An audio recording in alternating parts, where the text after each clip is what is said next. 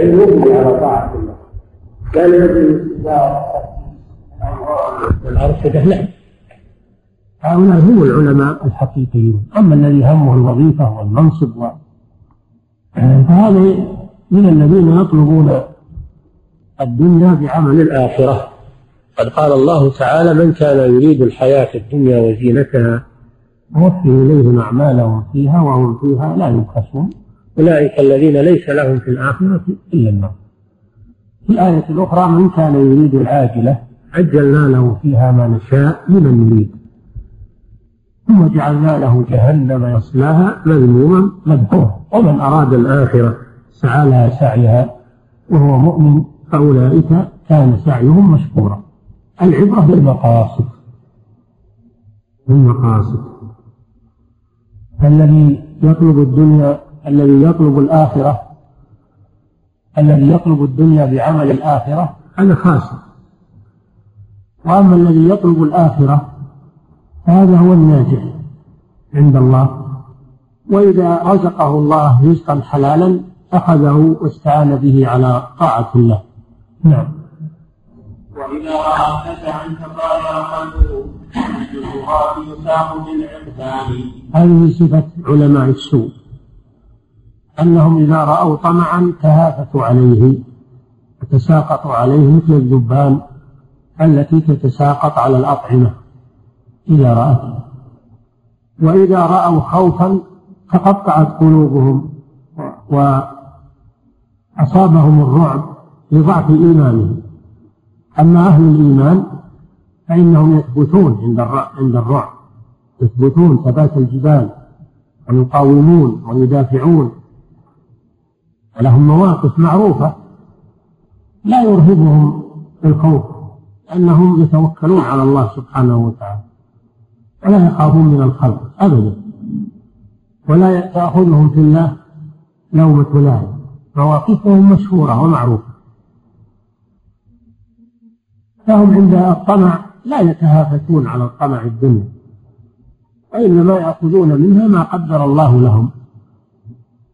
وعند الخوف يثبتون ويدافعون عن الحق ويصبرون على الأذى.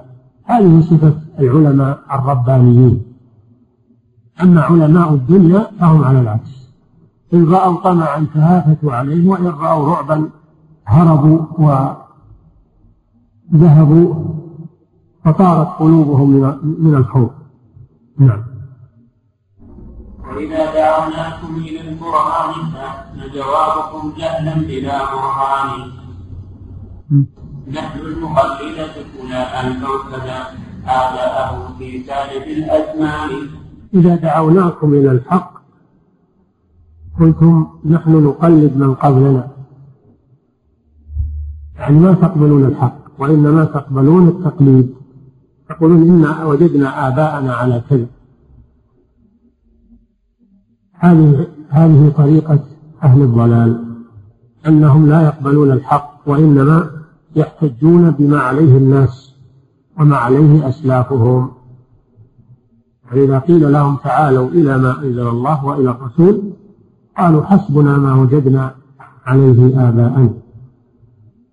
وإذا قيل لهم اتبعوا ما أنزل الله قالوا بل نتبع ما ألفينا عليه آباءنا. وإذا قيل لهم اتبعوا ما أنزل الله قالوا بل نتبع ما وجدنا عليه. آباءنا هذه حجة المقلدة.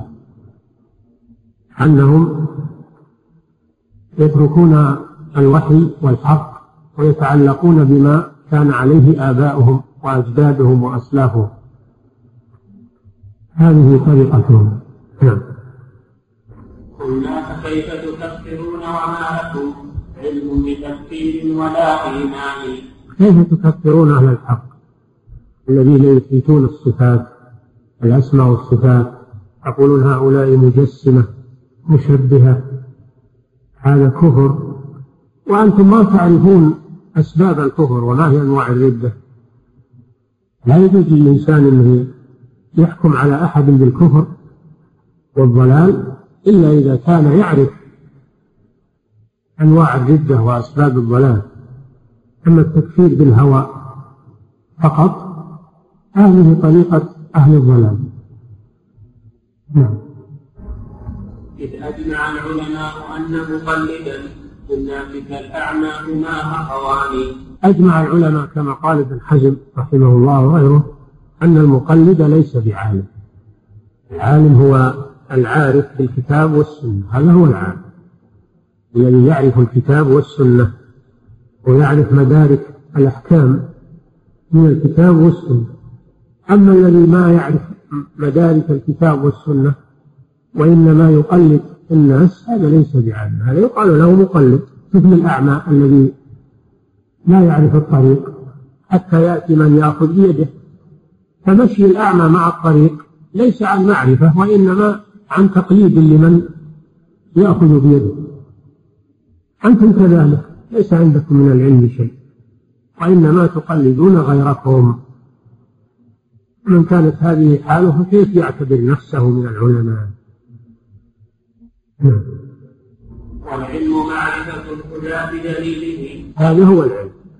هذا هو العلم. وهذا البيت ضابط عظيم. العلم معرفة الهدى بدليله. هذا هو العلم. نعم. الذي لا ليس كذلك ليس من أهل العلم. وإنما هو مقلد. والعلم معرفة الهدى بدليله ما ذاك والتقليد مستويان. بينهما تباين. التقليد والعلم. العلم معرفة الهدى بدليله. والمقلد لا يعرف الهدى ولا يعرف دليله. وإنما يقول سمعت الناس يقولون شيئا فقلته. تقليد. هذا مثل الببغاء اللي حاف في أصوات الناس وهو ما يعرف معانيها. نعم. كذلكم والله لا أنتم مع العلماء قالوا للبرهان كلا ولا متعلمين فمن ترى. تدعون نفسكم من الثيران أقول كنا بكم يا هؤلاء لستم من العلماء الذين يعرفون الهدى بدليله ولستم من الجهال الذين العوام يعني لستم من العوام الذين ليس عندهم إمكانية للتعلم أنتم لستم علماء ولا متعلمين فماذا تقولون؟ ما لكم شبيه إلا الثيران الثيران التي لا تعرف شيء إلا أنها تساق وتدرب على على الحرث وعلى استنباط الماء. يعني تبع من يسيطر عليها. فالثور يدور بالمحراث وهو ما يدري وش المقصود. وكذلك يساق وهو ما يدري وش المقصود. أنتم كذلك مثل مثل الثيران نعم. لكن نفع والله أنفع منكم. لكن الثيران أنفع منكم. لأن الثيران يستفاد منها في الحرث ويستفاد منها في في مصالح كثيرة. أما أنتم ما فيكم نفع وإنما تضيقون المكان وتأكلون ما كان. نعم. لكنها والله أنفع منكم في الأرض في حرث وفي دوران في الحرث يحيي تحرث عليها الأرض بالمحراث كما هو معلوم. ودوران في الدانوب واستنباط الماء. دواليب كانت توضع وتعلق بالثيران وتدور الثيران ثم الماء يظهر من آثار دورانها. والدواليب المعروفة. نعم. لكنها والله أنفع منكم للأرض في حرث وفي دوران. نالت بهم خيرا ونالت منكم المعهود من بغي ومن عدوان. الأرض استفادت من الثيران البهيمية في حرثها وسقيها. أما أنتم فالأرض تتأذى منكم. أنتم من المفسدين في الأرض. الذين يفسدون ولا يصلحون. الثيران تصلح في الأرض. وهي بهائم. أما أنتم فتفسدون في الأرض. في نشر الضلال والكفر والإلحاد. فهذا هو إفساد الأرض. الله جل وعلا يقول ولا تفسدوا في الأرض بعد إصلاحها. الإنسان إذا ظل وكفر هو الذي يفسد في الأرض. نعم. فمن الذي خير وأنفع للورى أنتم أم الثيران بالبرهان بل الثيران أنفع منكم للناس وأنفع للأرض. نعم. فصل. هذا وثامن عهدها تنزيهه. سبحانه عن موجب النقصان. السابع عشر من أدلة العلو أن الله نزه نفسه عن النقائص. نزه نفسه عن النقائص. ووصف نفسه بالكمال. فإذا جئنا إلى مسألة العلو هل هو نقص ولا كمال؟ العلو كمال. ونفي العلو عنه سبحانه نقص. إذا فهذا من أدلة إثبات العلو لأنه كمال في حقه سبحانه وتعالى. والله نزه نفسه عن النقائص في كثير من الآيات.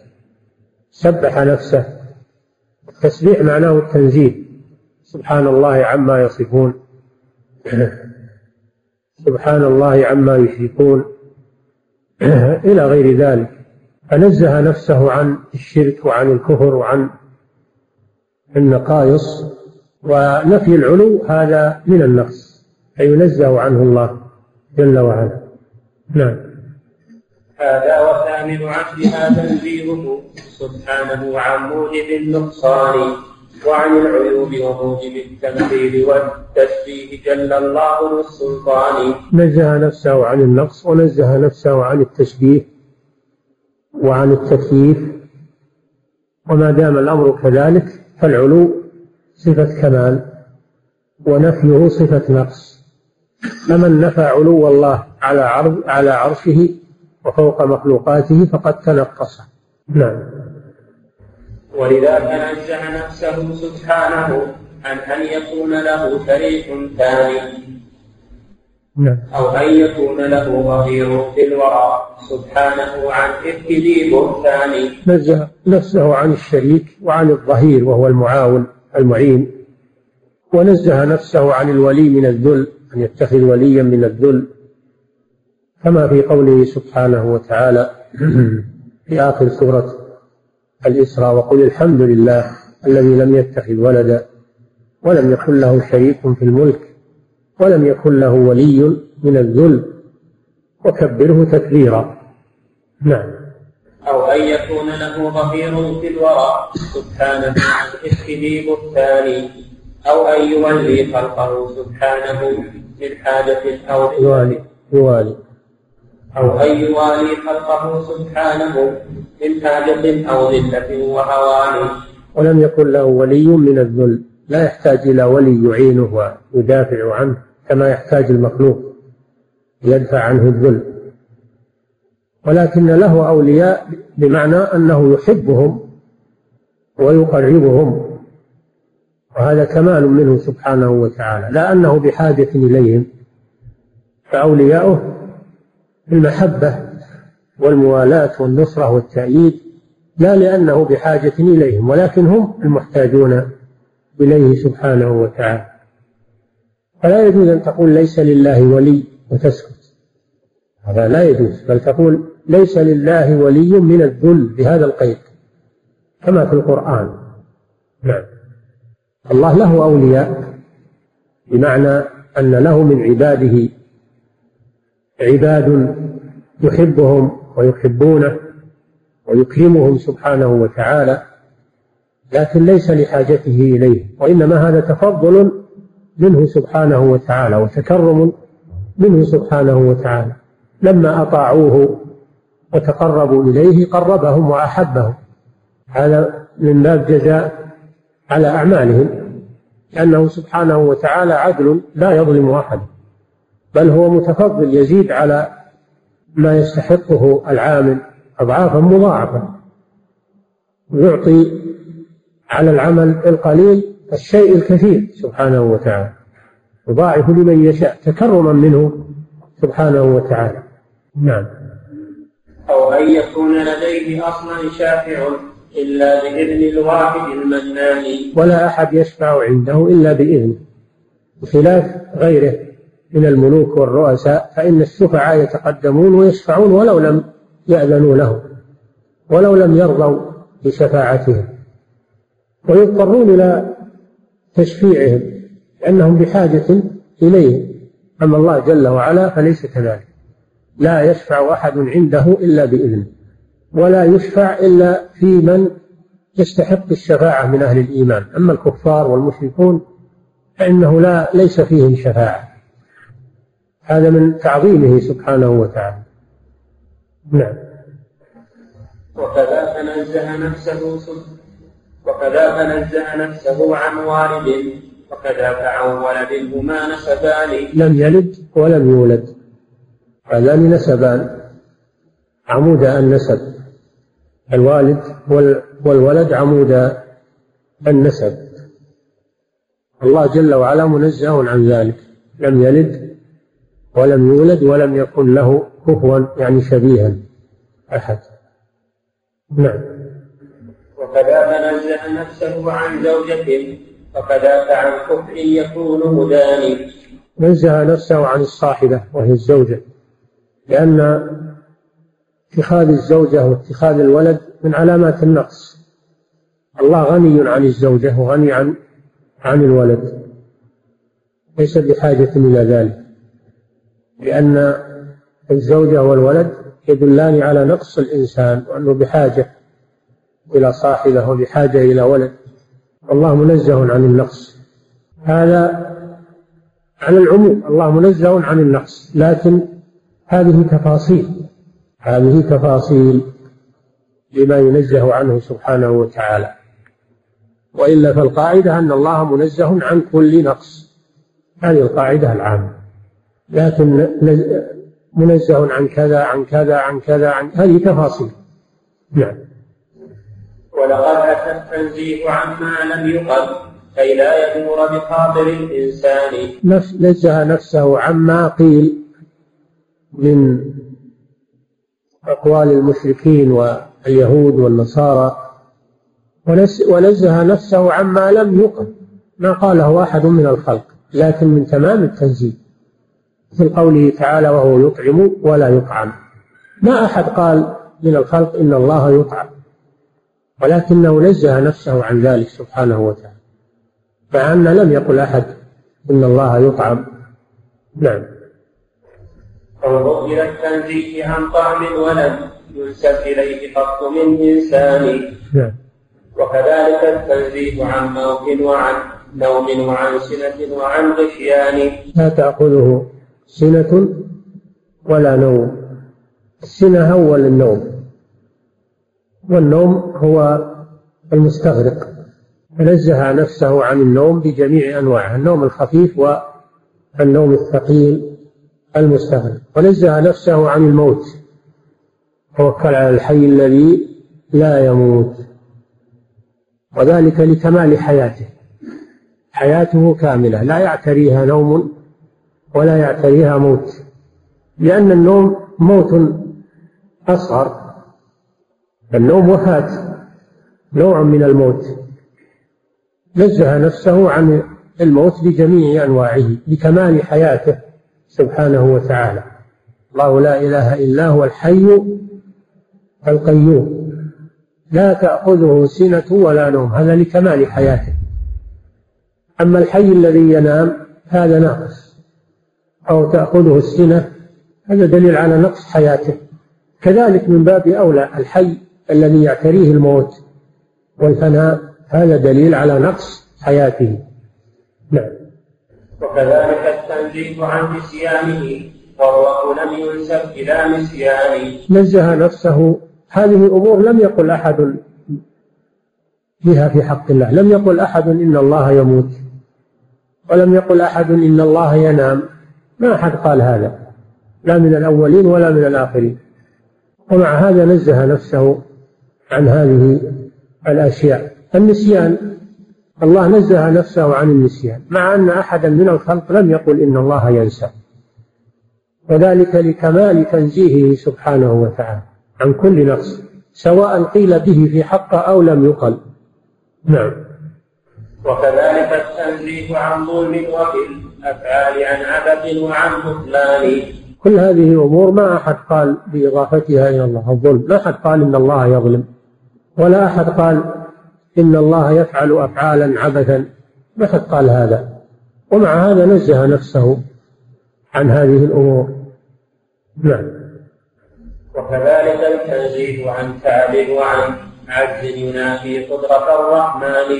أما التعب فقد وصفته اليهود بالتعب حين قالوا إن الله جل وعلا استراح يوم السبت خلق الخلق في ستة أيام بدايتها يوم الأحد ونهايتها يوم الجمعة.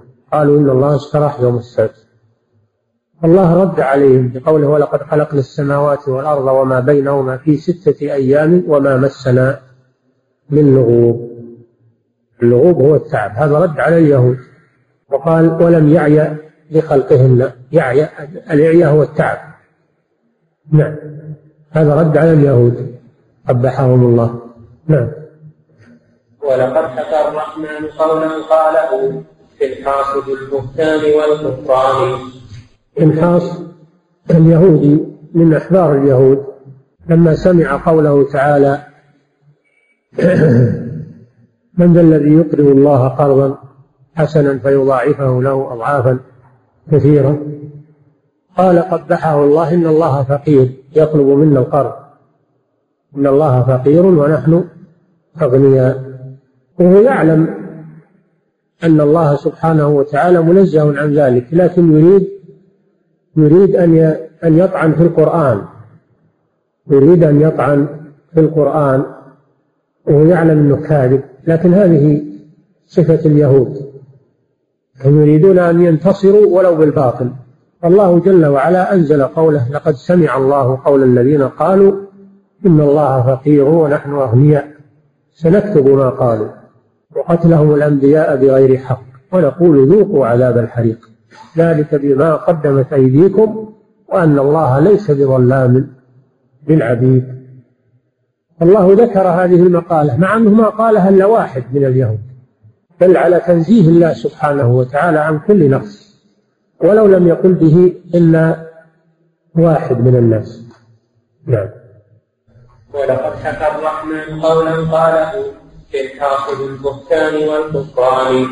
إن الإله هو الفقير ونحن أصحاب الإله الوجد والإمكان وقصده الطعن في القرآن.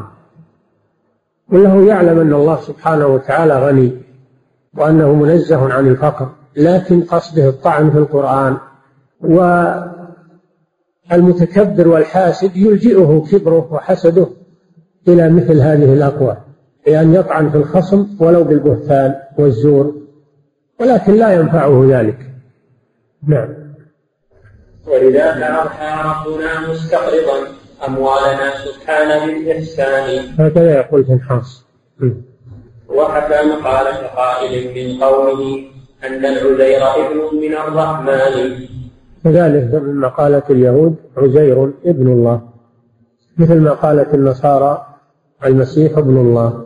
فنسبوا الابن إلى الله عز وجل. والله نزه نفسه عن الولد لأن الولد جزء من الوالد مشبه للوالد. والله لا شبيه له سبحانه وتعالى.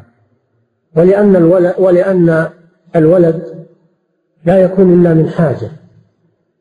فالوالد بحاجة إلى الولد. وأما الله جل وعلا فهو غني عن خلقه ليس بحاجة إلى الولد. لكن اليهود يقولون على الله البهتان. قالوا عزير ابن الله. وعزير قيل إنه نبي من أنبياء بني إسرائيل وقيل إنه عبد صالح من صالح بني إسرائيل. فلما رأوا صلاحه قالوا إنه ابن الله. تعالى الله عما يقول. وهذا من الغلو في الأشخاص من الغلو في الصالحين. الغلو في الصالحين يوصل إلى الكفر. لما غلوا في عزير وغلت النصارى في المسيح وغلت القبورية في الأولياء أشركوهم مع الله في العبادة فالغلو يوصل إلى الكفر ويوصل إلى الشرك والعياذ بالله. فلذلك لا يجوز الغلو في الأشخاص مهما كانوا من الصلاح حتى الأنبياء والملائكة لا يجوز الغلو فيهم. نعم. هذا وما القولان حق مقالة منصورة في موضع وزمان. أقوال غريبة. ولكن مع هذا نزه الله نفسه عنها مع أنها غريبة فدل على أن الله منزه عن كل نفس سواء كان هذا النفس مشتهرا على الألسنة نسبته إلى الله أو كان هذا النفس لم يقل به إلا بعض الخلق أو كان هذا النقص لم يقل به أحد. الله منزه عن النقص مطلقا لأن له الكمال المطلق سبحانه وتعالى. نعم. لكن مقالة كونه فوق الورى والعرش وهو مباين الأكوان الآن توصل الشيخ إلى النتيجة. يقول إذا كان الله نزه نفسه عن هذه النقائص. وأنتم تقولون إن العلو نقص لأنه يدل على الجهة. والله منزه عن الجهة. لأنه إذا كان في جهة فهو محتاج إليها. فالجهة نقص. يقول الشيخ لماذا لم ينزه نفسه عن العلو؟ إذا كان نقصا كما تقولون فلماذا لم ينزه نفسه عن العلو والفوقية؟ فكونه لم ينزه نفسه عن ذلك دليل على اتصافه سبحانه وتعالى به. هذا من حيث العقل. أما من حيث النقل فإن الله وصف نفسه بالعلو في آيات كثيرة وبالفوقية كما يأتي. لكن من حيث العقل الدلالة العقلية إذا كان العلو والفوقية نقصا عندكم؟ فلماذا لم ينزه الله نفسه عنه؟ مع أنه نزه نفسه عن كل نقص حتى النقص الذي لم يقل به أحد من الخلق. ولا وجدنا في آية واحدة أو في حديث عن الرسول صلى الله عليه وسلم تنزيه الله عن العلو أو عن الفوقية هذا حاصل الدليل. نعم. لكن مقالة كونه فوق الورى والعرش وهو مباين الأكوان. طبقت شرق البلاد طبقت. طبقت. يعني إنها اشتهرت على الألسنة. اشتهر على ألسنة العالم أن الله في العلو ولا يتجهون بدعائهم وسؤالهم إلا إلى العلو. فطرة فطرهم الله عليها. فلو كانت نقصا لماذا لم ينزه الله نفسه عنها؟ كما نزه نفسه عما قالت اليهود وغيرهم. نعم. قد شرق البلاد وغربها وغدت مقررة لذي الأذهان فلأي شيء لم ينزه نفسه؟ سبحانه في محكم القرآن. هم هم المعطلة ينزهون الله عن العلو ويعتبرونه نقصا في حقه ويقولون إن الله ليس له مكان وليس داخل العالم ولا خارجه ولا فوق ولا تحت ولا يمنى ولا يسرى ولا إلى آخر ما عندهم إلا النفي. إذا يكون غير موجود. وإذا ينتهي قولهم إلى جحد وجود الرب سبحانه وتعالى. وهم يزعمون أنهم ينزهون الله لكن تنزيههم لما كان على غير قاعدة شرعية أفضى بهم إلى الكفر وإلى التعطيل الواجب أن يتبع النص في ما ينسب إلى الله جل وعلا لأنه أعلم بنفسه وكذلك نبيه أعلم بربه. ولا يجوز أن نستعمل العقول في حق الله سبحانه وتعالى نعتمد عليها. هؤلاء لما اعتمدوا على عقولهم وأفكارهم وصلوا إلى هذا الحضيض الأسفل والعياذ بالله. تركوا الوحي. وليس لهم حجة على نفي العلو إلا أنهم يقولون أنه يلزم أن يكون في جهة وهو منزه عن الجهات. نقول نعم هو في جهة في جهة العلو. وجهة العلو آه، كمال. جهة العلو كمال. هو في جهة العلو سبحانه وتعالى. نعم. أما قولكم منزه عن الجهة هذا قول باطل. نعم. فلأي شيء لم ينزه نفسه سبحانه في محكم القرآن عن المقالة مع تفاقم أمرها قالت أنه في العلو لماذا لم ينزه نفسه عنها؟ نعم. عن المقالة مع تفاقم أمرها وظهورها في سائر الأديان. كل الأديان السماوية تصف الله أنه في العلو التي نزلت على الأنبياء. كذلك فطر الناس تتجه إلى العلو دائما حينما تتجه إلى ربها لا تتجه إلى الشمال ولا إلى اليمين ولا إلى الأسفل وإنما تتجه إلى العلو وتشير إلى العلو. فطرة من الله فطر الناس عليها. أيكون هذا نقص؟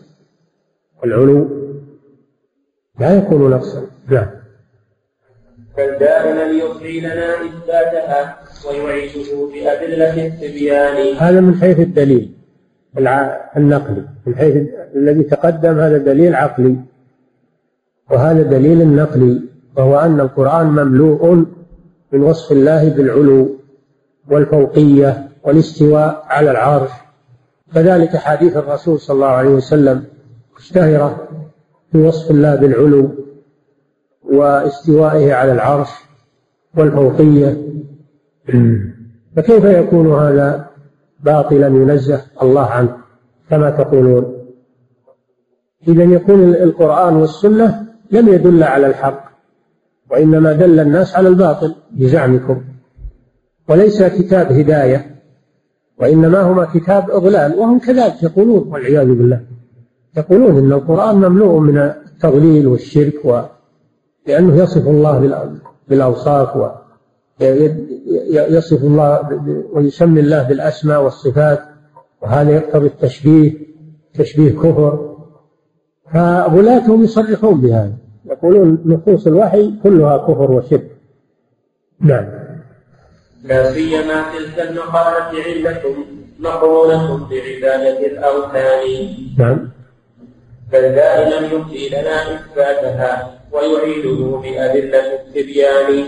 لا سيما تلك المقالة عندكم مقرونة بعبادة الأوثان. نعم عندهم أن الذي يصف الله بالصفات فإنما يعبد الصنم. لأن هذه الصفات لا تكون إلا للمخلوق والصنم. تعالى الله. هذا عندهم. فعندهم لا تدل على تنزيه ولا على كمال. إنما تدل على نقص وأن الذي يعتقدها إنه يعبد صنما. نعم. أو أنها كمقالة لمثلث عبد الصليب المشرك النصراني. يقولون إنها تقتضي الشرك أو تقتضي التثليث كما هو عند النصارى إن الله ثالث ثلاثة. هذا عند المعطلة. ولذلك ينزهون الله عن الأسماء والصفات لأن الأسماء والصفات عندهم شرك كشرك النصارى في التثليث وشرك عبدة الأوثان في عبادة الأصنام. هذا قصدهم قصدهم التنزيه. لكن لما كان هذا التنزيه مبنيا على عقول كاسدة صار ضلالا. ولو كان هذا التنزيه مبنيا على دلالة الكتاب والسنة لكان تنزيها حقا. نعم. إذ كان الاسم كل موصوف بها ليس الإله منزل الفرقان. يقولون هذه الصفات السمع والبصر واليد والوجه والعلو والاستواء والنزول وهذه لا تكون إلا لجسم والأجسام متشابهة فإثباتها يدل على التشبيه وهي لا تكون إلا للأصنام تعالى الله عما يقولون. يعني أفضى بهم الكلام والضلال إلى هذا الحد. نعم فهم غلوا في التنزيه والغلو دائما يوقع أصحابه في المهالك غلوا في التنزيه التنزيه أصله حق. أصل تنزيه الرب هذا حق. لكن إذا غلا فيه الإنسان إلى حد أنه ينفي عن الله ما أثبته لنفسه فهذا غلو يفضي إلى الكفر. نعم. فالعابدون لمن على العرش استوى. إذ ليسوا عابد الديان عندهم عند المعطلة الذين يعتبرون أن الله استوى على العرش هؤلاء لا يعبدون الله إنما يعبدون شيئا استوى على العرش وهذا غير الله. هكذا يقولون. نعم. لكنهم عباد أوثان لدى هذا المعطل جاحد الرحمن. على القاعدة عندهم أن الصفات لا تكون إلا لجسم والأجسام متشابهة. فيلزم من إثبات الصفات تشبيه الله جل وعلا بخلقه. أو بعبارة أخرى أن هذه الأسماء والصفات لا يوصف بها إلا الجسم لا يوصف بها إلا الجسم المخلوق. فإثباتها يقتضي أن يكون الله جل وعلا مثل أوثان المشركين هكذا يقولون. فلذلك قالوا ليس لله اسما ولا صفة. هو سبحانه منزه عن الأسماء والصفات.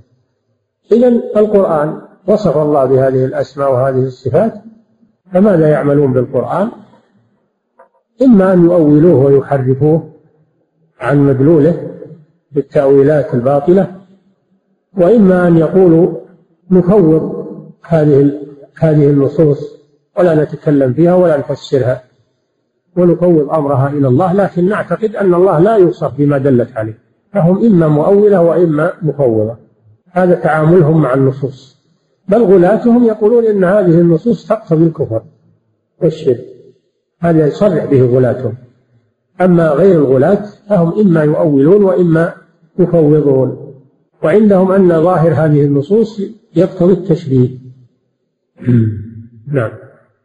ولذاك قد جعل المعطل كفرهم هو مقتضى المعقول والبرهان. وجعلوا هذا هو الإيمان. تعطيل جعلوه هو الإيمان والتنزيه.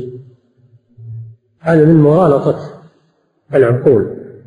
إذا يكون القرآن إنما جاء ليضلل الناس ما جاء ليهديهم. كيف يصف الله ويسميه بأسماء وأوصاف لا تليق به؟ لأن هذا يكون من التضليل. والقرآن جاء للهداية. فيلزم على هذا أن يكون القرآن ليس هداية وإنما هو تضليل. نعم. هذا رأيناه بكتبكم ولم نكذب عليكم فعل بالبهتان. إذا أردت أن تعرف ما قاله الناظم فراجع كتبه. وهذه قاعدة في كل ما ينسب إلى الناس وإلى الأشخاص وإلى العلماء. ما تكتفي بالنقل عنهم؟ قال فلان وقال فلان. لا راجع كتبهم وكلامهم. إذا أردت أن تحكم عليهم فراجع كلامهم الذي صدر عنهم في كتبهم التي ألفوها قالوها بأفواههم وكتبوها بأيديهم. تجد هذه المقالات الشنيعة في كتب الجهمية والمعتزلة والأشاعرة ومن نحى نحوهم. تجدها مشحونة بهذه الأباطيل التي يزعمون أنهم ينزهون الله بها. وينزهونه عن ماذا؟ عن أسمائه وصفاته. هذا موجود في كتبهم لا نكذب عليهم. بل في عقائدهم التي تدرس في معاهدهم الآن في كلياتهم. موجود هذا التحريف عند جميع المعطلة في مدارسهم في المقررات الدراسية حتى. يدرسون أولادهم هذا الشيء. نعم. راجع ما راجع كتاب العقيدة الذي يدرس في الأزهر. راجع ما يدرس في في مدارس المعتزلة. يمينا وشمالا. تجد مقرراتهم تدور على هذه الأمور. وليس فيها ولا آية من كتاب الله ولا حديث عن رسول الله صلى الله عليه وسلم وإنما فيها قواعد عقلية فقط. بزعمها هي ما هي بعقلية. جهلية هي ما هي بعقلية. العقلية الصحيحة لا تخالف الكتاب والسنة. لكن هذه يسمونها عقليات وهي جهليات ويسمونها يقينيات وهي ضلالات. ليست يقينيات لا تجد في كتبهم الاستدلال بآية قرآنية ولا تجد فيها استدلال بحديث نبوي ولا تجد فيها استدلال بقول إمام من أئمة السلف. وإنما كلها قواعد منطقية وأساليب كلامية يلقنونها لأولادهم وينشئونهم عليها. نعم. ولأي شيء لم يحذر خلقه حتى حتى كتب التفسير التي ألفها هؤلاء تجدها مشحونة من التأويل والتحريف. وهم يزعمون أنهم يفسرون كلام الله عز وجل. لم ينجو من كتب التفسير إلا تفاسير السلف مثل تفسير ابن جرير تفسير ابن كثير تفسير البغوي وما اندرج على سبيل على سبيلهم. أما تفاسير المعتزلة والأشاعرة كلها مشحونة بهذه الأباطيل. نعم. بسم الله الرحمن الرحيم. الحمد لله رب العالمين وصلى الله وسلم على عبده ورسوله نبينا محمد وعلى آله وأصحابه أجمعين. قال ابن القيم رحمه الله تعالى لكن مقالة كونه فوق الورى والعرش وهو مباين الأكوان قد طبق شق البلاد وضربها وغدت مقررة للأذهان. فلأي شيء لم ينزه نفسه سبحانه في محكم القرآن عن المقالة مع تفاهم أمرها وظهورها في سائر الأديان. فدائما يصيبنا إثباتها ويعيده بأدلة التبيان. لا سيما تلك المقالة عندكم مقرونة بعبادة الأوثان. أو أنها كمقالة لمثلث عبد الصليب المشرك النصراني إذ كان اسما كل موصوف بها ليس الإله منزل القرآن. فالعابدون لمن على العرش استوى بالذات ليسوا عابد الديان. لكنهم عباد أركان الندى هذا المعطل الجاهل الرحمن. بسم الله الرحمن الرحيم. يقصد ابن القيم رحمه الله في هذه الأبيات الرد على الذين ينفون علو الله سبحانه وتعالى من الجهمية وأتباعهم. فيقول لما ذكر الأدلة من القرآن قال إن مقالة أن الله في العلو مشهورة عند العالم. مشهورة عند العالم عربهم وعجمهم قديما وحديثا. فلو كانت باطلا كما تقولون لنزه الله نفسه عنها لأن الله نزه نفسه عن مقالة قالها بعض اليهود وهي قوله إن الله فقير ونحن أغنياء قولهم يد الله مغلولة. مع أن هذه المقالة ما قال بها إلا نزر يسير. ومع هذا نزه الله نفسه عنها.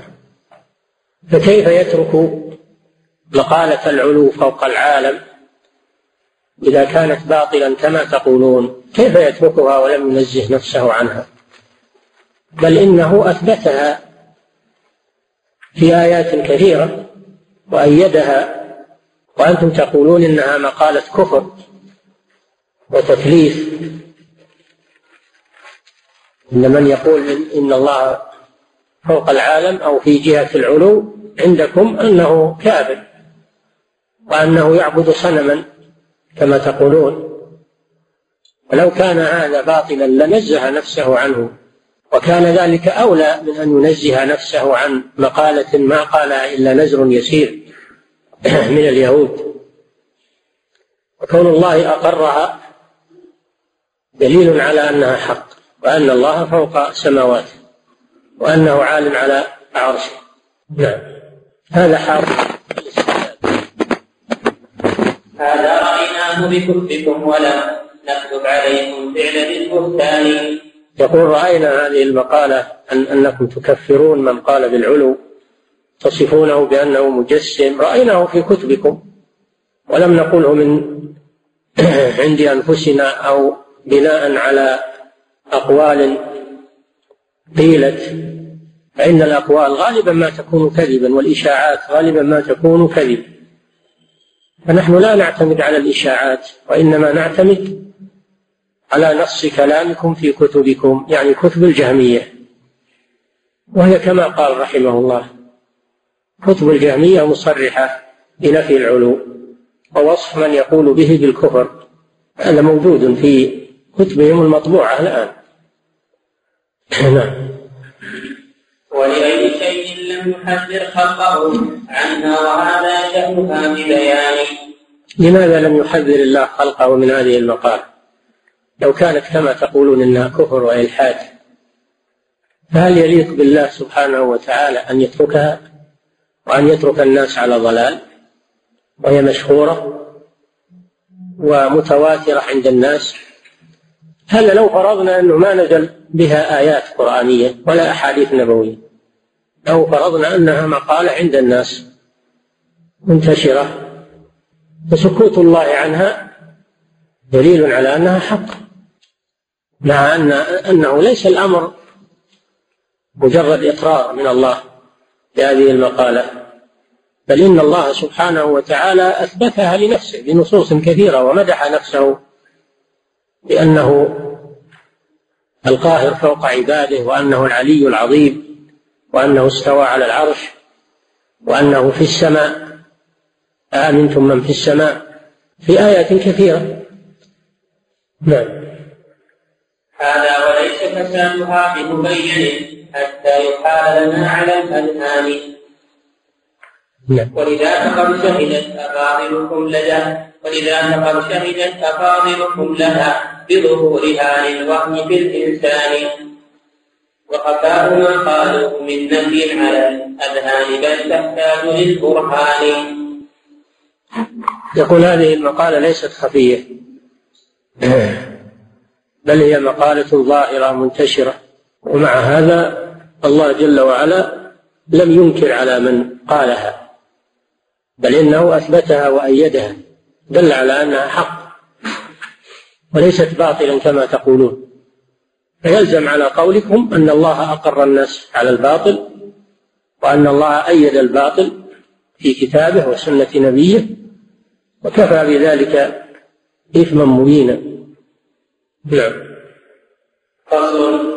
هذا وتاسع عشرها إلزام بالتعطيل أفسد لازم ببيان التاسع عشر الدليل التاسع عشر من أدلة العلوم. نعم. وها قضية الإلزام. نعم. هذا وتاسع عشرها إلزام بالتعطيل أفسد لازم ببيان وفساد لازم قوله هو مقتضي لفساد ذاك القول بالقرآن فساد اللازم دليل على فساد الملزوم هذه قاعدة معروفة. ذلك أنه يلزم على قولهم بنفي العلو. يلزم عليه أن الله في كل مكان قالت الحلول إذا كان هذا لازم قولهم هذا الباطل يدل على بطلان قولهم. نعم. فسل المعطل عن ثلاث مسائل تقضي على التعطيل بالبطلان. ماذا تقول أكان يعرف ربه؟ هذا الرسول حقيقة العرفان. أم لا؟ وهل كانت نصيحته لنا؟ كل النصيحة ليس بالخوان أم لا وهل حاج البلاغة كلها؟ فاللفظ والمعنى له طوعان. نعم ثلاث مسائل الأولى. نعم. ماذا تقول أكان يعرف ربه؟ هذا الرسول حقيقة العرفان يقول إن الرسول صلى الله عليه وسلم أثبت علو الله على عرشه. هذا متواتر عنه. فنسألكم ثلاثة أسئلة. هل كان هذا الرسول يعرف ربه؟ أو كان جاهلا به. فإن قلتم إنه يعرف ربه حصل المقصود. وإن قلتم إنه جاهل به كفرتم. هذه مسألة. المسألة الثانية هل كان الرسول صلى الله عليه وسلم ناصحا لأمته أو كان غير ناصح؟ فإن كان ناصحا وقد بين علو الله على عرشه فهذا حق لأنه كلام ناصح. وإن كان غير ناصح قد وصفتم الرسول صلى الله عليه وسلم بالخيانة. هذا كفر. المسألة الثالثة إذا كان الرسول صلى الله عليه وسلم يعرف ربه وكان ناصحا في بيان ذلك هل كان يقدر على البيان أو كان غير قادر على البيان؟ فإن قلتم إنه غير قادر على البيان كفرتم. كيف يرسل الله رسولا لا يقدر على البيان؟ وإن قلتم إنه قادر على البيان وقد بين وأثبت أن الله فوق السماوات فهذا حق حصل المقصود. لا لا بد من هذه اللوازم الثلاث. إما أن يقولوا إن الرسول لا يعرف ربه أو يقولون يعرف ربه لكن لم يبين هذا للناس يكون هذا من الخيانة أو يقولون إنه يعرف ربه وأراد البيان لكن عاجز ما يقدر يبين. مثل الأخرس أو مثل الأعجمي. ما يقدر يبين ما عنده لغة يبين بها للناس. فيكون الرسول صلى الله عليه وسلم موصوفا بالنقص ولا يمكن أن يرسل الله أن يرسل الله رسولا عاجزا عن البيان لأمته. بل إن الله يختار الرسل من خيرة الخلق أعلمهم وأنصحهم وأقدرهم على البيان. ولهذا كل رسول يقول لقومه إني لكم ناصح. أمين. نعم. وأيضا هم يسمون الرسول المشركون. مشركون على عدائهم للرسول يسمونه بالأمين. يلقبونه بالأمين لمعرفتهم بأمانته من صغره عليه الصلاة والسلام. نعم. ما لا تقول أكان يعرف ربه هذا الرسول حقيقة العرفان. أم لا؟ وهل كانت نصيحته لنا؟ كل النصيحة ليس بالخوان أم لا؟ وهل حال البلاغة كلها؟ فاللفظ والمعنى له طوعان. فإذا انتهت هذه الثلاثة فيه كاملة مبرأة من النقصان. فلأي شيء عاش فينا فاهما للنفي والتعظيم بالأزمان. إذا كان الرسول صلى الله عليه وسلم عارفا بربه ناصحا لأمته قادرا على البيان بما أعطاه الله من البلاغة واللغة العربية الفصيحة. فكيف يعيش ولم يبين للناس إن العلو باطل وأنه لا يجوز وصف الله به كما تقولون؟ بل صرح بخلاف ذلك. نعم. فلأي شيء عاد فينا فاهما للنفي والتعظيم في الأزمان. بل مفصحا بالضد منه حقيقة إفصاح موضحة بكل بيان. ولأي شيء لم يصرح بالذي صرحته في ربنا الرحمن. أي عدله عن ذاك عن تفصيله في النصح أم لخفاء هذا الشأن؟ هذه الثلاثة هل هو عاجز عن البيان أو مقصر أو جاهل؟ تلزمكم هذه اللوازم. أما إذا كان عارفا بربه ناصحا لأمته قادرا على البيان فلا يمكن أن يترك الناس يعتقدون الباطل على حسب زعمكم. وهو قد أرسله الله للهداية وإرشاد الناس إلى الحق. نعم. هذا بدا وصفكم يا أمة التعطيل المبعوث بالقرآن. نزه الرسول صلى الله عليه وسلم عن هذه الأوصاف. وخلعها عليهم هم. فهم الجهلة بربهم وهم الخونة. وهم الأعاجم. أكثرهم أعاجم. ليسوا حتى من من العرب. أكثر هؤلاء المعطلة إنما هم من الأعاجم. ليسوا من أصل العرب. فهذه صفاتهم هم. قبحهم الله. فهم خليط من اليهود من سلالة اليهود أو من النصارى. أو من المجوس. تقمصوا الإسلام. تقمصوا الإسلام. وقالوا هذه المقالة وغيرها من الضلال. إما تعمدا للتضليل وإما جهلا بالله سبحانه وتعالى وإما عجمة. لا يعرفون القرآن ولا يعرفون السنة. أعجمي يجي يفسر القرآن ولا يفسر السنة؟ هذا من أعظم هذا من أعظم العجائب. نعم. ولأي شيء كان يذكر ضد في كل مجتمع وكل زمان. لأي شيء كان الرسول يكرر علو الله على عرشه في أحاديث كثيرة طول حياته صلى الله عليه وسلم. ومات ولم يأتي بخلاف ذلك حتى يقال إن ما سبق منه كان منسوخا. بل مات وهو يصرح بعلو الله على عرشه. نعم. مع أن الأخبار لا يدخلها النسخ. الأخبار لا يدخلها النسخ. نعم. أصبح عاجزا عن قوله استولى وينزل أمره وفلان. ألا أترون الرسول عاجزا عن أن يقول ما تقولون؟ إن استوى معناه استولى. لماذا لم يقل مرة من المرات استولى؟ حتى يكون هذا مفسرا لبقية النصوص. بل اضطرد قوله استوى بدون لام.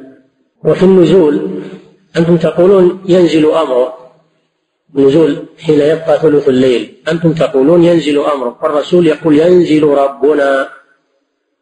فهل كان عاجزا عن أن يقول ينزل أمر ربنا كما تقولون؟ ما قالها ولا مرة من المرات. بل يقول ينزل ربنا.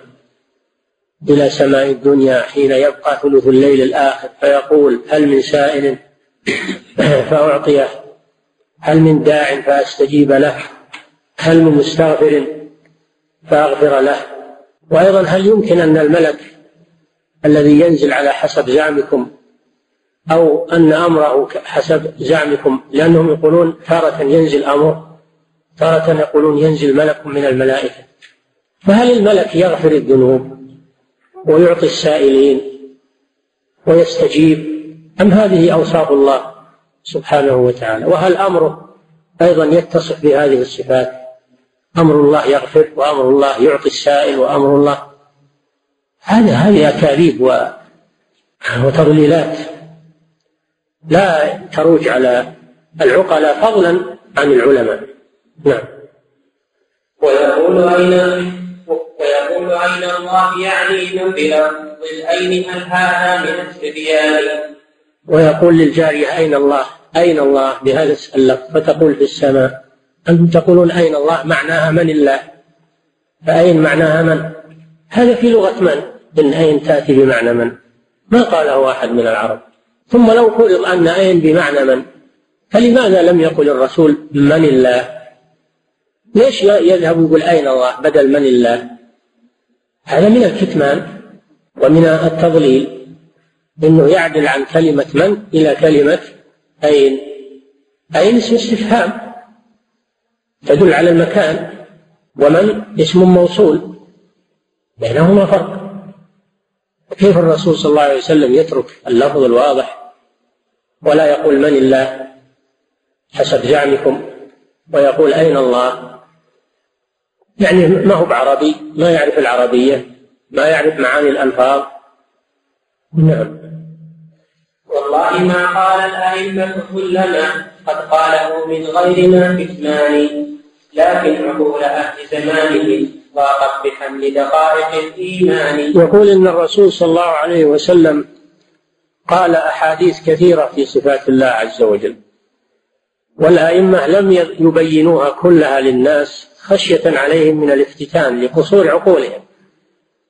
لقصور عقولهم وإنما يحدث الناس بحسب ما يعرفون. كما قال أمير المؤمنين علي بن أبي طالب رضي الله عنه حدثوا الناس بما يعرفون أتريدون أن يكذب الله ورسوله؟ فإذا جئت عند أناس مبتدئين في طلب العلم أو عوام أو أنصاف متعلمين فلا تذكر لهم كل العلم.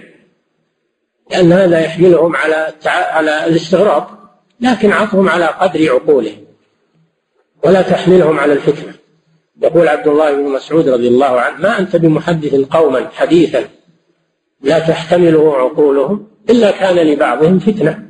فالواجب على المعلم وعلى العالم أن يعطي الناس على قدر عقولهم ولا يجيب لهم الغرائب والأشياء التي لا تتحملها عقولهم لئلا يضلوا ويفتتنوا أما إذا حدثت العلماء والراسخين في العلم أذكر لهم ما ورد عن الرسول صلى الله عليه وسلم لأن عقولهم تتحمل تحمل هذه الأمور. نعم.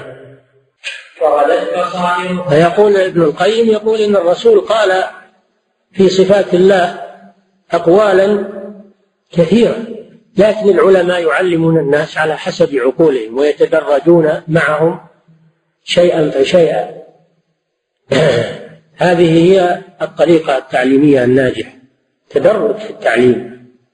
هتجي ناس مبتدئين وتذكر لهم أشياء من المغيبات أو من صفات الله لا تتحملها عقولهم بل تدرج معهم شيء فشيء. حطهم على قدر ما يتحملون إلى أن يصلوا إلى درجة عالية من العلم وتتسع عقولهم فحينئذ لا مانع أنك تذكر لهم ما عندك من العلم. نعم. وغلت بصائركم كخفاف أتى نعم عن العبارة. والله ما قال الأئمة كل ما قد قاله من غير ما كتمان لكن لأن عقول أهل زمانهم ضاقت بحمل دقائق الإيمان. الأزمان تختلف والناس يختلفون فيعطون على قدر أفهامهم على قدر عقولهم ويتدرج معهم. هذه هي الطريقة التعليمية الناجحة. أما حمل الناس على أشياء وخوضهم في أشياء ما وصلوا إليها فهذا يسبب الفتنة ويسبب التكذيب. لما قال الله تعالى بل كذبوا بما لم يحيطوا بعلمه ولما يأتهم تأويله. بل كذبوا بما لم يحيطوا بعلمه ولما يأتهم تأويله. يعني تفسيره وتوضيحه حقيقته. وقوله لما يدل على أنه سيأتي على أن تفسيره وتأويله سيأتي. فلا يستعجل الناس بالتكذيب عن شيء لا يعرفون حقيقته ولم يحصل تفسيره بعد. وكان أبو هريرة رضي الله عنه راوية الإسلام الذي روى عن الرسول صلى الله عليه وسلم من الأحاديث ما لم يروه غيره يقول حملت وعاءين من العلم. لاحظوا حملت وعاءين من العلم. وعاء بثثته في الناس. ووعاء لو بثثته لقطع هذا البلعوم.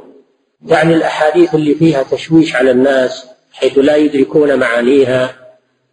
هذه لم يذكرها لهم. حديث الفتن والملاحم التي تأتي في آخر الزمان والتي فيها جور الولاة ووجوب الصبر عليهم هذه أبو هريرة لم يبين لم يبينها للناس خشية من الفتنة. وإن كان بينها لبعض الخواص لكنه لم يبينها لعموم الناس. هذه هي الحكمة. الإنسان ما يقول كل ما يعلم احتفظ بالعلم عندك. إلا إذا رأيت له مجالا. إذا رأيت له مجالا ووجدت له حملة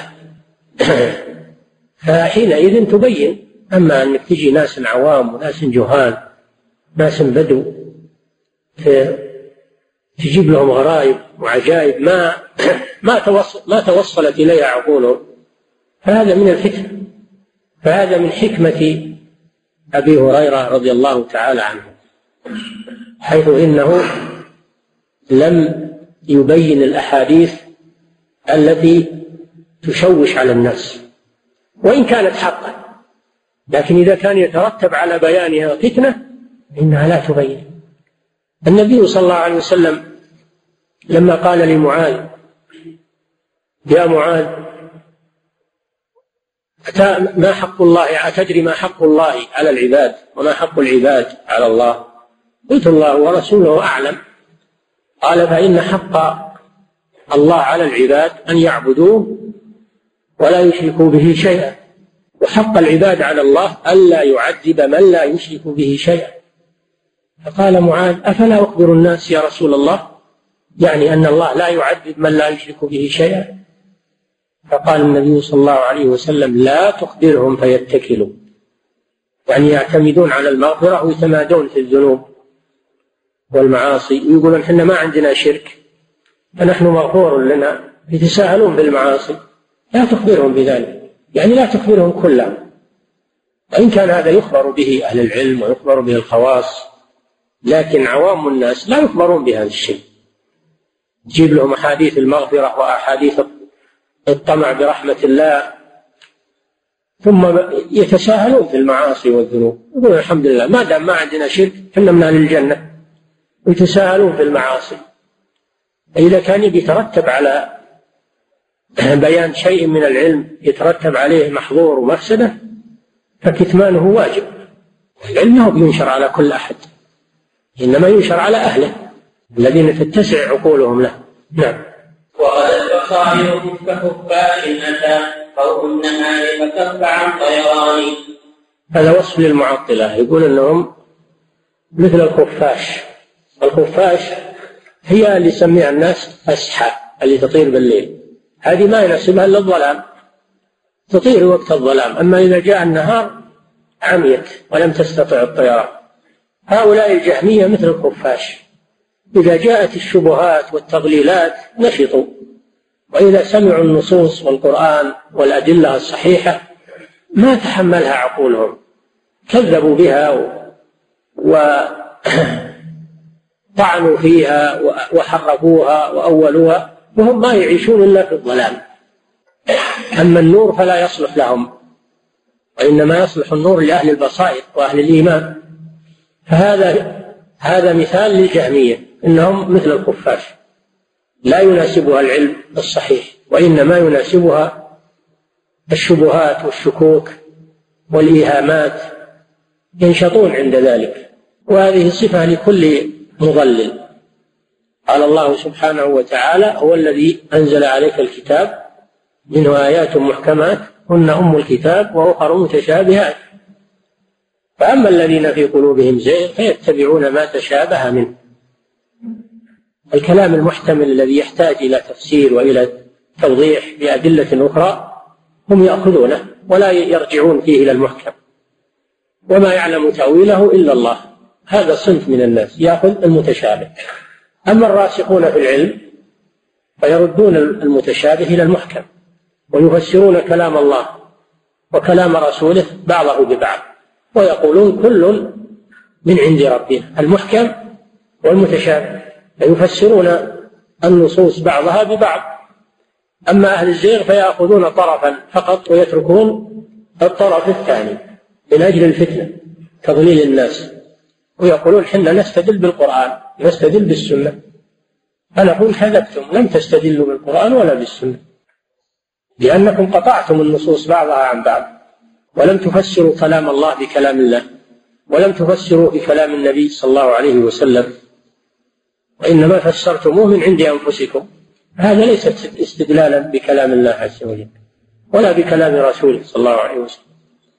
الاستدلال بالمتشابه ليس استدلالا بكلام الله ولا بكلام رسوله حتى يكمل ويرد بعضه إلى بعض. هذا هو الحق. نعم. وغدت بصائرهم كخفاش أتى ضوء النهار فكف عن طيران. حتى إذا ما الليل جاء ظلامه أبصرته يسعى بكل مكان. هذا الخفاش. صار بالليل يمكن الجو منه يطير وأما بالنهار ما تشوف منه شيء لأنه ما يناسبها النور. كذلك الجهمية وأضرابهم ما يناسبهم الحق وإنما يناسبهم الباطل.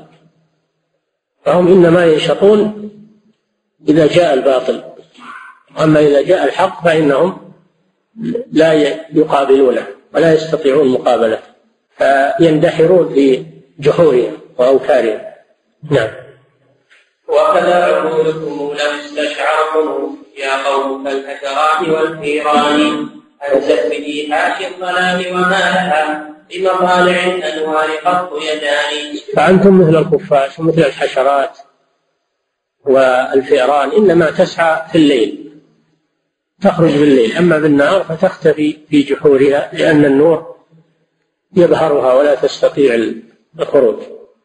فهذا شبه أهل الضلال مع الحق والباطل. نعم. لو كان حقا ما يقول معطل بعلوه وصفاته الرحمن لزمتكم شنع لزمتكم شنع ثلاث فارتروا أو خلكم منهن أو ثنتان تقديمهم في العلم أو في نصحهم. أو في البيان أو ذا ذو إمكان.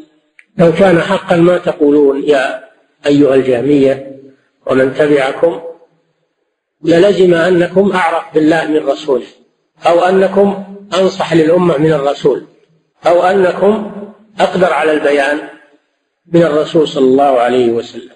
ومن قال هذه المقالة كفر لأن الرسول صلى الله عليه وسلم هو أعلم الخلق وهو أنصح الخلق. وهو أقدر الخلق على البيان. نعم.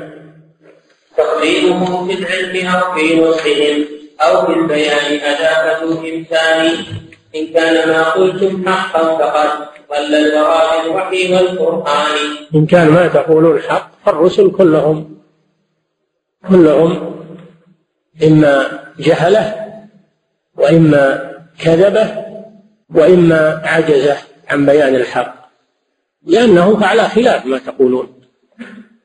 فلا بد أن الحق معكم ولا معهم. لا بد من أحد الأمرين. لا يجتمع قولكم مع الإيمان بالله ورسله أبدا.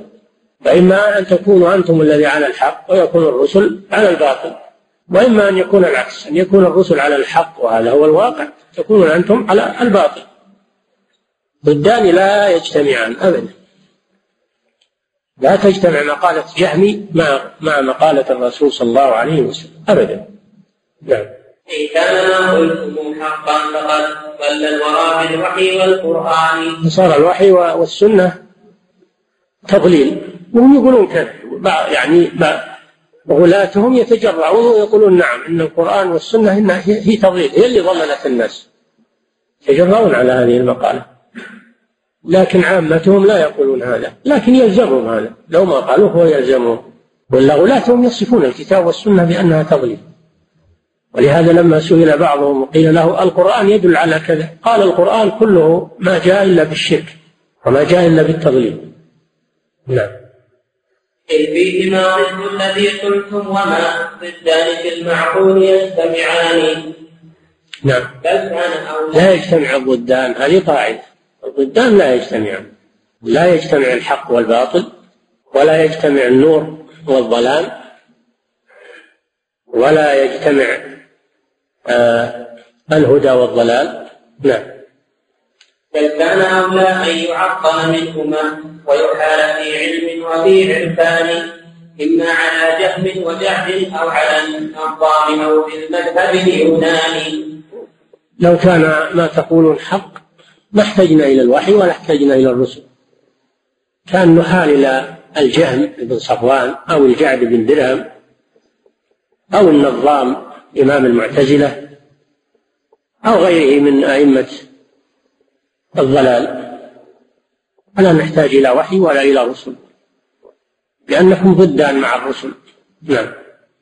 وكذا أتباع لهم فقعوا الفلا ثم فقعوا فقعوا الفلا وكذاك أتباع لهم فقعوا الفلا صم وبكم تابع العميان. أما أما أئمتهم الجهم والجعد والنظام وإما أتباعهم من من الطغام قطع الفلا يعني الطغام الذين لا عبرة بهم. نعم. وكذاك أفراط القرامطة الأولى قد جاءوا بعذاب الرحمن. والأولى القصد بهذا الباطنية. الباطنية وهم غلاة الشيعة. الباطنية غلاة الشيعة ومنهم القرامطة والفاطميون والإسماعيلية. هؤلاء باطنية. يقال لهم الباطنية وهم أكثر الخلق والعياذ بالله. يقولون على الله وعلى رسوله وعلى دينه. ويقولون القرآن له باطن وظاهر. القرآن والسنة لهما باطن وظاهر. فهم يأخذون بالباطن بزعمهم. ويتركون ظاهر القرآن وظاهر السنة. ونحن نقول القرآن باطنه وظاهره سواء. لا يختلفان. يقولون لا. القرآن له باطن يخالف الظاهر. من ذلك مثلا يقولون الصلاة ظاهرها العبادة المعروفة الركوع والسجود وباطنها إنها مجرد الدعاء. ولا حاجة إلى أنك تصلي تركع وتسجد بل يكفي أنك تدعو وهذه الصلاة هذا الباطن. الزكاة ظاهرها دفع المال المعروف للمحتاجين لكن باطنها طهارة النفس. باطنها طهارة النفس. فإذا طهرت نفسك فقد زكيت. حاجة تدفع أموالك للناس. الصيام ظاهره عندهم الإمساك عن الطعام والشرب ولكن باطنه كتم الأسرار كتم أسرار أئمتهم ولذلك لا يظهرون لا يظهرون مذهبهم أبدا تواصون بكتمانه لأن هذا هو الصيام عندهم الصيام عندهم هو كتم الأسرار ولذلك الدروز والإسماعيلية ما يظهرون مذهبهم أبدا إنما ينشرونه بينهم فقط ولا يتكلمون به إلا فيما بينهم. وأما عند الناس فلا يظهرون شيء هذا هو الصيام عندهم. هؤلاء يقال لهم الباطنية الباطنية من الفاطميين والعلويين والدروز والإسماعيلية إلى آخر طوائفهم والقرامطة أتباع قرمط حمدان قرمط الذي جاء وقتل الحجاج. في مكة قتلهم في المسجد الحرام في المطاف حتى سالت الدماء في المسجد الحرام وأخذ جثتهم وألقاها في بئر زمزم ثم قلع الحجر الأسود وذهب به إلى بلده هجر يعني الأحساء وأقام الحجر عندهم خمس عشرة سنة وأكثر ثم رده الله إلى مكانه هؤلاء هم القرامطة وهم من الباطنيين. نعم. وكذلك أفراط القرامطة الأولى قد جاهروا بعذاب الرحمن كالحاكمية والأولى حاكمية اللي هم الفاطميون. حاكمية فاطميون الذين يؤلهون الحاكم بأمر الله. ملك من ملوكهم يسمى الحاكم بأمر الله ألهوا وعبدوه من دون الله عز وجل. فسموا بالحاكمية. نعم. الحاكمية والأولى وعلوهم كأبي سعيد ثم آل سنان. أبو سعيد هو القرمطي. هو أبو سعيد الجنابي. أبو سعيد الجنابي القرمطي. وآل سنان يقولون إنهم طائفة في المشرق. صار لهم دولة. وهم من القرامطة. نعم. وكذا ابن سينا والنصير نصيرها للشرك والتكذيب والكفران. الرئيس بن سينا الطبيب المعروف هذا من القرامطة من الباطنية. وأبوه كان يهوديا. أبوه من اليهود. وهو ادعى الإسلام وأظهر الإسلام وهو باطني من الإسماعيلية. هو صاحب هذه المقالات. وله كتب في الإلحاد منها الإشارات كتاب الإشارات ورسالة الأضحوية. معروفة كتب ابن سينا في الإلحاد. ومع هذا يعظمه بعض الجهال ويقول أنه من من من المسلمين وأنه له له علوم وله خبرة يسمون بعض الصيدليات باسمه أو حتى بعض المدارس سموها باسمه. كذلك الطوسي نصير الدين الطوسي الخبيث الملحد وهو من الباطنية. سميه ابن القيم نصير الكفر الطوسي. هذا الذي قاد التتار. هو الذي قاد التتار على المسلمين. وجاء بهم إلى بلاد الإسلام وحصل منهم ما حصل من القتل والتشريد والتدمير على بلاد الإسلام بسبب هذا الخبيث. نصير الدين الطوسي شيعي باطني. وهكذا ما دين الشيعة دائما وأبدا. إذا ظفروا أوغلوا في المسلمين بالقتل والتشريد و لو يتمكنون ما بقي على الأرض سني أبدا. هذه ودائما يكونون مع الكفار على المسلمين. لو يغزو كفار بلاد المسلمين صاروا الشيعة معهم. هذا شيء معروف على مدار التاريخ. نعم. وكذاك أخلاق المجوس وشركهم والصابرين والصابرين وكل ذي بهتان. مجوس الذين يعبدون النار. مجوس الذين يعبدون النار في فارس. مقرهم في بلاد فارس. يسمون بالفرس. هؤلاء هم المجوس. عبدة النار. نعم. إنه كذاك وكذاك أفراق المجوس وشركهم والصابئين وكل ذي بهتان. الصابئة على قسمين يقول الشيخ الإسلام ابن تيمية. صابئة موحدون